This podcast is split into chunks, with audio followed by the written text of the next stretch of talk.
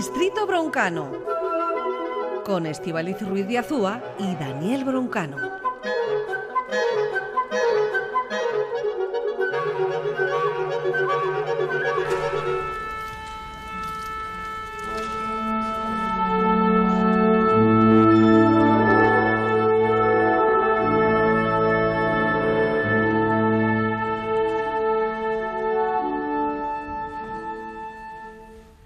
Hemos situado a la orquesta en el centro de nuestro estudio. Ellos siguen ahí, están afinando, pero saludamos a quien dirige esta orquesta. Daniel Broncano, ¿cómo estás? Muy bien, ¿qué tal? Oye, está aquí la orquesta eh, afinando. Eh, les he pedido además que comience con un poco de tiempo, porque siempre luego se nos, eh, se nos acaba el tiempo y, y, no están ellos preparados. ¿Cuánto puede durar que una orquesta esté afinada, bien afinada? La verdad es que depende de un poco de cómo se lo tomen. O sea, a, a veces afinar es una cuestión técnica, por supuesto, para eh, conseguir que el instrumento esté en el diapasón que tiene que estar, pero también es una forma de probar la sala, es una uh -huh. forma de probar el instrumento. Entonces, si se le da margen, eh, Estivaliz, podemos, se pueden tirar la media hora de la sección. bueno, o sea que pues tenemos que ponerle, tenemos que ponerle un límite. Les he dicho que vayan, eh, que vayan un poquito a tiempo, que vengan un poco a tiempo los claro. maestros eh, y que vayan afinando ellos solos, cada uno con su instrumento, y que le vayan dando un poquito de calor porque también hay que dar calor un poco al instrumento. Oye, estamos en este curso... Sobre todo los... Sí. Per perdón que te interrumpa, sobre todo son los instrumentos de viento, son los que necesitan más mm. eh, alcanzar una cierta temperatura, eh, así que por eso hay que, hay que de verdad soplar, eh, tienen que alcanzar esa temperatura, son los, más, los instrumentos más sensibles a, la, a, esas condiciones, así que por supuesto que hace falta. Hoy el instrumento que vamos a, en el que vamos a poner sí. la lupa es Estíbaliz, el violonchelo. Uh -huh. eh, este es un instrumento que ahora escuchamos ahí por la parte grave un poco como están afinando sus cuatro cuerdas. Sí. Esto es una verdadera institución, estamos dentro de los instrumentos que a todo el mundo creo que les mola un montón el violonchelo, ¿no? Sí, ¿tú crees que el violonchelo gusta? Hombre, para elegir el violonchelo, el maestro que elige este, este instrumento tiene que saber que va a, a llevarlo al hombro durante mucho tiempo, ¿no? Y esto pesa no pesa tanto. Eh, date cuenta que hoy en día tienen unas, unos estuches que son de fibra de carbono, que aquello parece como muy aparatoso, sí. pero es más ligero que la bici de Indurain. O sea, vamos, esto es una maravilla. Eh, y date cuenta que los instrumentos eh, es que están huecos por dentro. O sea, una de las maravillas, uno de los milagros de la música claro. es conseguir eh, impresionar e impactar en la gente con instrumentos que, que todos están huecos por dentro. Esto me parece a mí una, una poesía maravillosa. Y que saquen música de ese interior. hablamos de violonchelo eh, entre familiares y amigos lo llamamos el chelo? Se llama de las dos formas, violonchelo, chelo, es que no, no cambia mucho el concepto. Eh, es uno de los instrumentos, como digo, que, que es que es, es, es, imposible no amar a un violonchelo. O sea, este sonido eh, eh hondo que tiene, uh -huh. que es tan expresivo, es de verdad un deleite. Mm, no te puede no gustar el chelo. Vamos a empezar este recorrido por uno de los compositores barrocos que primero hizo música para violonchelo. Claro, el violonchelo además viene también de, de tiene antecesores como la viola da gamba, toda uh -huh. esta familia de pre-violines, pre-violonchelos. Eh, pero los, los, chelos modernos existen desde el siglo XVII. Eh, podríamos escoger muchos, pero uno de ellos fue Antonio Caldara. Sí. Eh, Caldara fue chelista, compositor, cantante. Sabes que antes es que había esta especie de multitalentos uh -huh. que eran muy habituales. Vivió en Venecia, en Barcelona, en Viena y eh, fue uno de los, de los pioneros eh, en esta literatura para, para cello. Vamos a escuchar, eh, bueno, pues música, una, una, sinfonía para cello de Caldara. Eh, vamos a empezar con José Chu Obregón. José Chu es eh, bilbaíno, es uno de los mejores chelistas del mundo. Eh, un chelista que se ha ido especializando en, en, esta, en esta, visión historicista, uh -huh. ¿no? O sea, con, tocando instrumentos de época, con cuerdas a la antigua usanza, arcos a la antigua usanza, y José Chu es más de Bilbao. O sea, José Chu seguramente aprendió a tocar el chelo a la vez que daba balonazos a, a, lo que era el edificio que ahora es EITB. Ya me imagino, lo estoy visualizando ya directamente. sí, cuando aquello era todo huertas, le estaba por ahí correteando. Eh, escuchamos a Caldara si quieres, versión Venga. José Chu Obregón con la ritirata. Vamos con ello.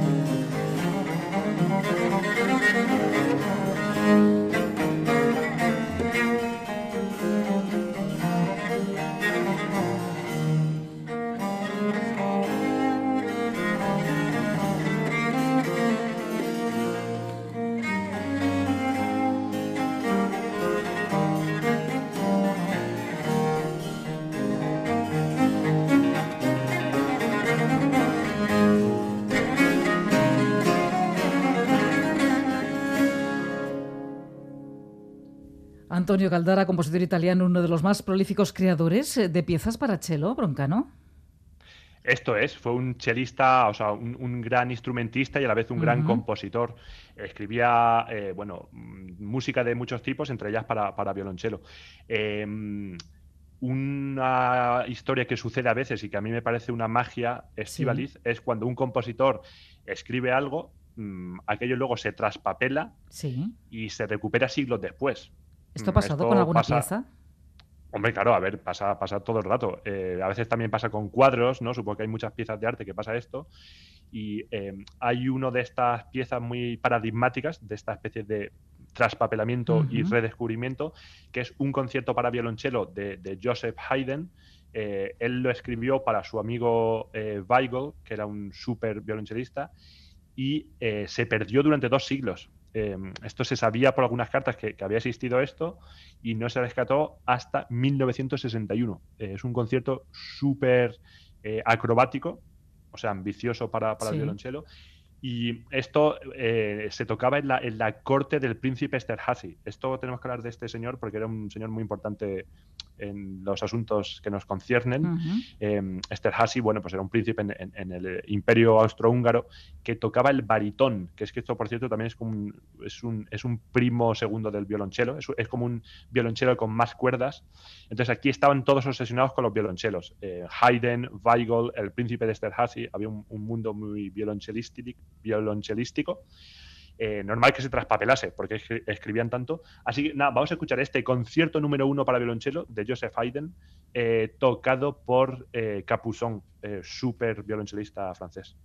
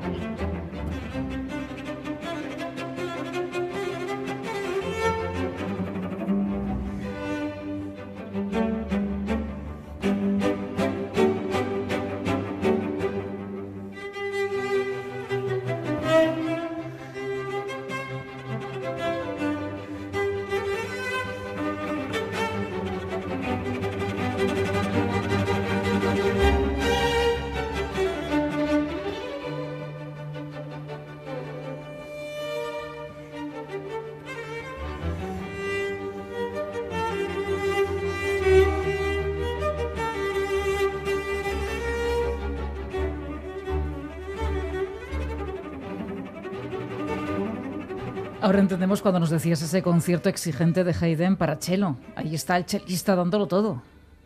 Todo. Se oyen como esas notas sueltas, eso se llama staccato. Entonces hace falta que cada nota tiene como un golpe de arco, un movimiento de arco, por eso suenan eh, como destacadas cada una, ¿no? Eso requiere tener una muñeca em, derecha muy fina con el arco ahí. Em, otra superestrella del violonchelo en este siglo XVIII eh, era Boccherini, eh, Boccherini, a pesar de este. El nombre me resulta gracioso, pero hay que respetarle. bueno, pues viene de familia. Totalmente de familia. Boccherini era de, Luca, en Italia. Eh, era, fue compositor de la corte de los reyes de España, entonces vivió en Madrid muchísimo tiempo. Eh, era compositor y violonchelista, y era, era un, eh, un portento del violonchelo. y siempre estaba, cuando componía, al final siempre buscaba como espacio para lucirse él. Hay una obra muy conocida que es su quinteto en re mayor para eh, cuerdas y guitarra. Eh, bueno, porque él le fascinaba como esta cosa un poco de, España, pues esta fascinación por el folclore, así. Eh, entonces, la obra es para guitarra más castañuelas, más cuerdas, pero al final lo que hacía era mm, escribirse solos de violonchelo para lucirse él. Ahora veremos que va como a la parte más aguda del violonchelo, o sea, esto hay como que meterse hacia el centro del violonchelo, súper difícil de afinar, eh, esto demostraba que el tipo era una cosa loca tocando. Así que vamos a escuchar a Boccherini escribiendo música para sí mismo eh, sin ningún tipo de complejos.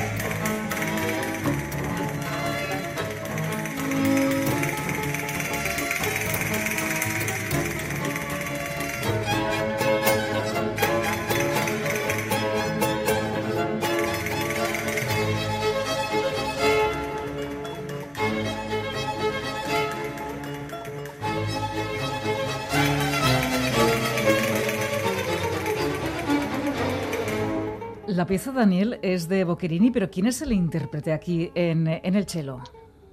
Este es que es un figurín total. Jordi Sabal. Jordi Sabal.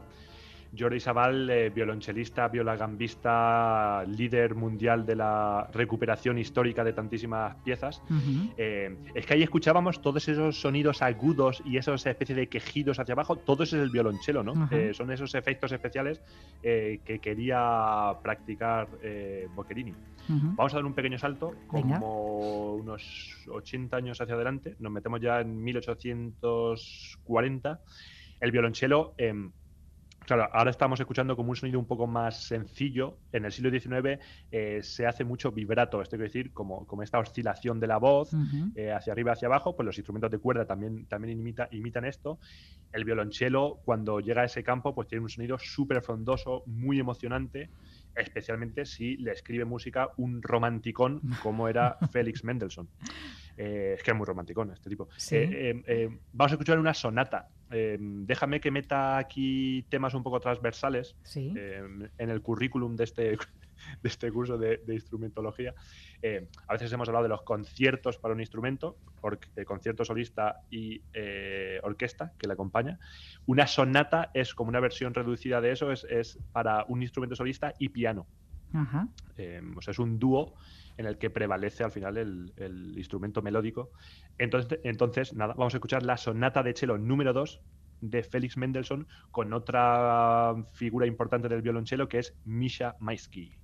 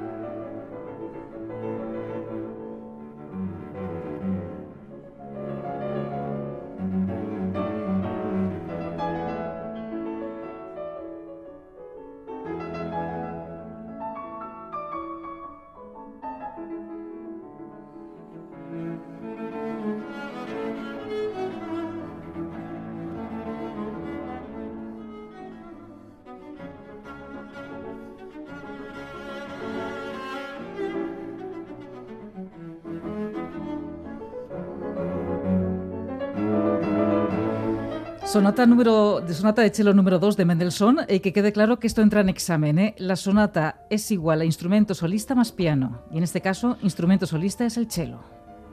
Esto es. Eh, tengo que contar que aquí ahora me contaba, me soltaba por el pinganillo nuestro compañero del control que, dura 24 minutos esta pieza. claro, es que las canciones, las canciones de música clásica duran de ahí para arriba. Eh, claro, cada movimiento tiene 8 minutos. Es verdad que la música, nosotros llamamos música yeye a todo lo que no es clásico. la música yeye está, está lo que llamamos canción capitalista de tres minutitos, pero los clásicos tenemos otra medida del tiempo. Hacía mucho que no hablábamos y no utilizábamos ese término de música yeye para todo lo demás que no utilizamos en este, en este espacio. ¿eh? Todo lo demás es música yeye. Aquí estamos hablando de música. entra Exactamente. Entra en la misma bolsa. Bueno, Mendes, que suena... Dime, Broncano, dime que me, gusta sonar así, de, me gusta mirar por encima del hombro todo lo que no sea Mendelssohn. Mendelssohn es romántico, sí. Es romanticón. Y seguimos con, otro gran romanticón escribiendo para violonchelo. Antonín Borsak, compositor eh, checo, escribió un concierto para violonchelo que es posiblemente como el más tocado de todos, eh, muy apasionado. Eh, lo escribió porque en, una, en una época emocional un poco turbulenta, él tenía, sentía como algo por su cuñada, Mm. Eh, entonces, em, es que tuvo ahí unos líos un poco extraños, mm, un poco curiosos. Em, y entonces lo sublimó, o sea, los líos creo que, no eran especialmente bonitos, pero lo sublimó en una obra preciosa, que es este concierto para, para violonchelo, eh, que marcó historia. Eh, de nuevo, de estos que al principio todo el mundo dice que esto no se puede tocar hasta que luego se convierte en una obra de repertorio. ¿no? Así que vamos a escuchar el tercer movimiento de este concierto para violonchelo de Antonín Borsak.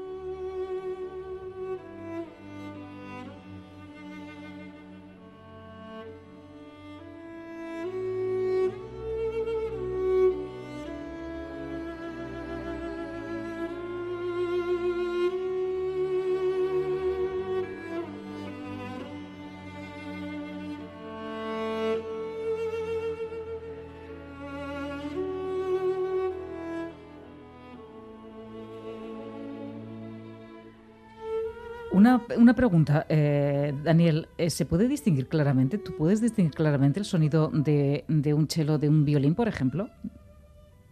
Es mucho más grave. O sea, claro, es, em, es como la diferencia entre una soprano y un tenor. O sea, es, eh, está en general como una octava más, más grave. O sea, el violín siempre es un sonido agudo, el violonchelo pues aquí oímos como si fuese esto, como si fuese un tenor. Más o menos si pensamos en un si, a, Pavarotti le pones, eh, le pones cuerdas y le pones un ese, ese cuerpo de madera, pues sonaría así, básicamente. es, que creo que es la forma de, ayudar, e pensar en, Pavarotti. perfecto. Em, vamos a pasar a otra super obra para violonchelo. Em, seguimos con los romanticones, ¿eh? Tchaikovsky. Em, eh, Tchaikovsky lo ponemos mucho aquí. Eh, amo de la melodía, siempre estas melodías perfectas e inagotables. Y me vas a decir, Estivalis, que todavía no hemos hablado de Wolfgang Amadeus Mozart. No, no ha salido hoy. Viene... No ha salido porque es que no hizo nada especialmente reseñable para el cello. ¿Por qué no le gustaba? Era como la flauta, que tampoco le gustaba, ¿no? bueno, es que estaba siempre ahí el violonchelo, tampoco le vio nada, nada especial. Sin embargo, esta obra de Tchaikovsky, que se llama Variaciones sobre un tema rococó, eh, está inspirado en el estilo de Mozart, como en estas melodías eh, clásicas eh, entonces, eh, bueno, pues Tchaikovsky expresó que esto era un poco un, homenaje a Mozart. de nuevo, eh, aquí tema transversal extracurricular. Las variaciones son cuando se coge un tema, una melodía, y esa melodía base se presenta luego cada vez con una serie de añadiduras o versiones diferentes o divagaciones al final, a veces para, para lucirse y se le acaba cambiando el carácter, pero mantiene el mismo esqueleto. Eh, vamos a escuchar estas variaciones rococó, un fragmentito, con Pablo Fernández al violonchelo.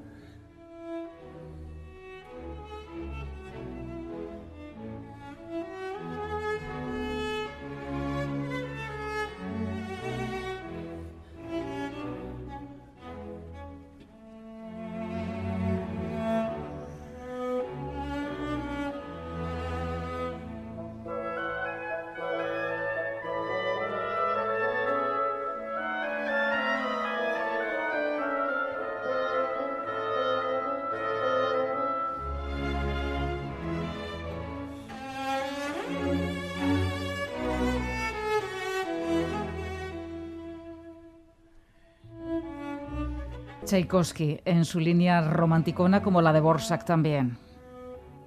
Esto es. Eh, un placer escuchar esto. Es que qué cosa más bonita, por favor, esta melodía. Eh, vamos a pasar a otra pieza fundamental del repertorio para cello, el concierto para violonchelo de Elgar, compositor británico, Edward Elgar. Eh, Sabes, Estivalis, que los ingleses tuvieron durante mucho tiempo en el siglo XIX un complejo de inferioridad eh, compositivo, porque ellos decían, claro, decían qué bien nos salen los ferrocarriles, qué bien nos sale la revolución industrial, qué buena reina tenemos, cómo dominamos el mundo. Eh, ahora que a los alemanes no hay forma de meterle mano con la música, porque es que nuestros compositores hacen obritas, hacen cosas curiosas, pero Elgar, Elgar se echó en sus espaldas como esa tarea de decir, pues vamos a hacer música a la altura del Imperio Británico, eh, con una pompa que agradase a la reina Victoria em, y que estuviesen, orgullosos todos de, esta música. Eh, uno de sus mayores exitazos fue este concierto para violonchelo. Vamos a escucharlo en versión de Weilstein con la Filarmónica Berlín.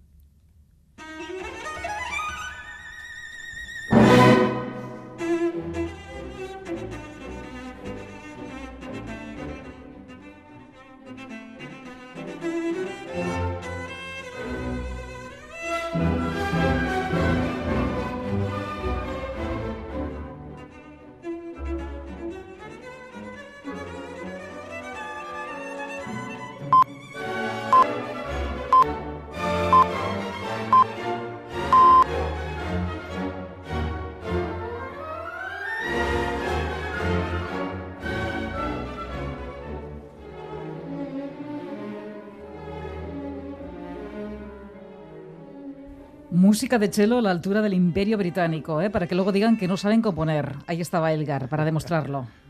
Callando boquitas. Ahí estaba Elgar callando boquitas para el resto del mundo. Eh, vamos a llegar a, una pieza para violonchelo muy, muy eh, loca. Eh, esto es el concierto para violonchelo de Friedrich Gulda. Gulda es un personajazo. Gulda era, era un pianista del siglo XX muy estrafalario eh, él, por ejemplo, llegaba a una sala de conciertos donde se había programado que se tocaba, eh, se tocaba una sonata de Mozart y otra de Beethoven. Llegaba ya a la sala, decía que había decidido cambiar todo el programa eh, para tocar solo música totalmente de vanguardia rompedora eh, la mitad del público se iba y luego tocaba Mozart y Beethoven. solo, por, haber, por haber fastidiado y haber hecho un poco de limpieza. Eh, Entre público. Siempre vestido con, Sí, salir siempre vestido con ropas súper extrañas, como, como retando esta especie de liturgia de la música clásica. Y, eh, por ejemplo, compuso este concierto para violonchelo. cada movimiento es de su padre y de su madre. El último es un circo. Y por un lado viene como, como a cachondearse un poco de los eh, conciertos para instrumentos solista, donde viene a ser como una especie de lucimiento y de demostración de habilidades, un poco circense, y también creo que es un poco una crítica ante la vida eh, o ante el teatro de la vida. Este concierto eh, para violonchelo, quinto movimiento, mm, disfrutemos el circo del violonchelo.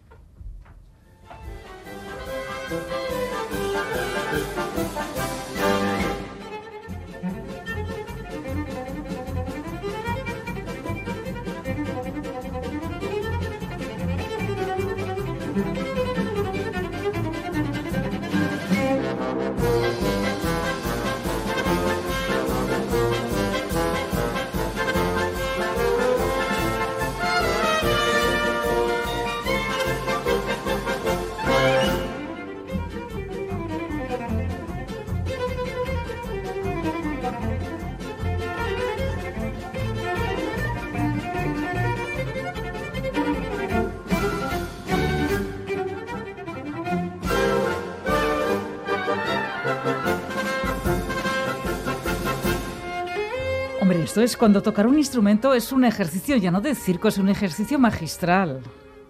Total. Y luego aquí has visto esta melodía, de repente mm, se torna aquí muy meloso, pero es súper difícil tocar esto, claro que sí, sí es, circense y difícil a la vez. Em, vamos a empaquetar la sección mostrando otras cualidades del violonchelo, finalmente. Sabes que el violonchelo es que a veces eh, casi puede llegar a sonar a guitarra eléctrica, eh, puede sonar también a guitarra cuando se eh, toca sin arco, ¿no? con, los, con los dedos directamente. Ha habido dos chelistas muy hábiles, mm, serbios, son Stefan Hauser y Luka Sulic, eh, que crearon hace 12 años un, dúo que fue una sensación que se hizo como súper famoso y viral en todo el mundo, se llama Chuchelos. Em, y eh, hacen pues covers de, música em, pop, rock. Eh, vamos a escuchar, para, terminar esto, como digo, Smooth Criminals de Michael Jackson con estos dos violonchelos es una locura ver lo que son capaces de hacer. Así que esta va a ser como el girito final de la sección. Pues con esto te despido. Daniel Broncano, que te esperamos la próxima semana en próximas ediciones de este... Un besazo y esto, que disfrutemos de, esta última obra de Chelo. Es verdad que el Chelo, yo parto de la base que todos los amábamos, todos lo amábamos y ahora un poco más. Perfecto. Que tengas buena semana. Agur. Igual, un beso.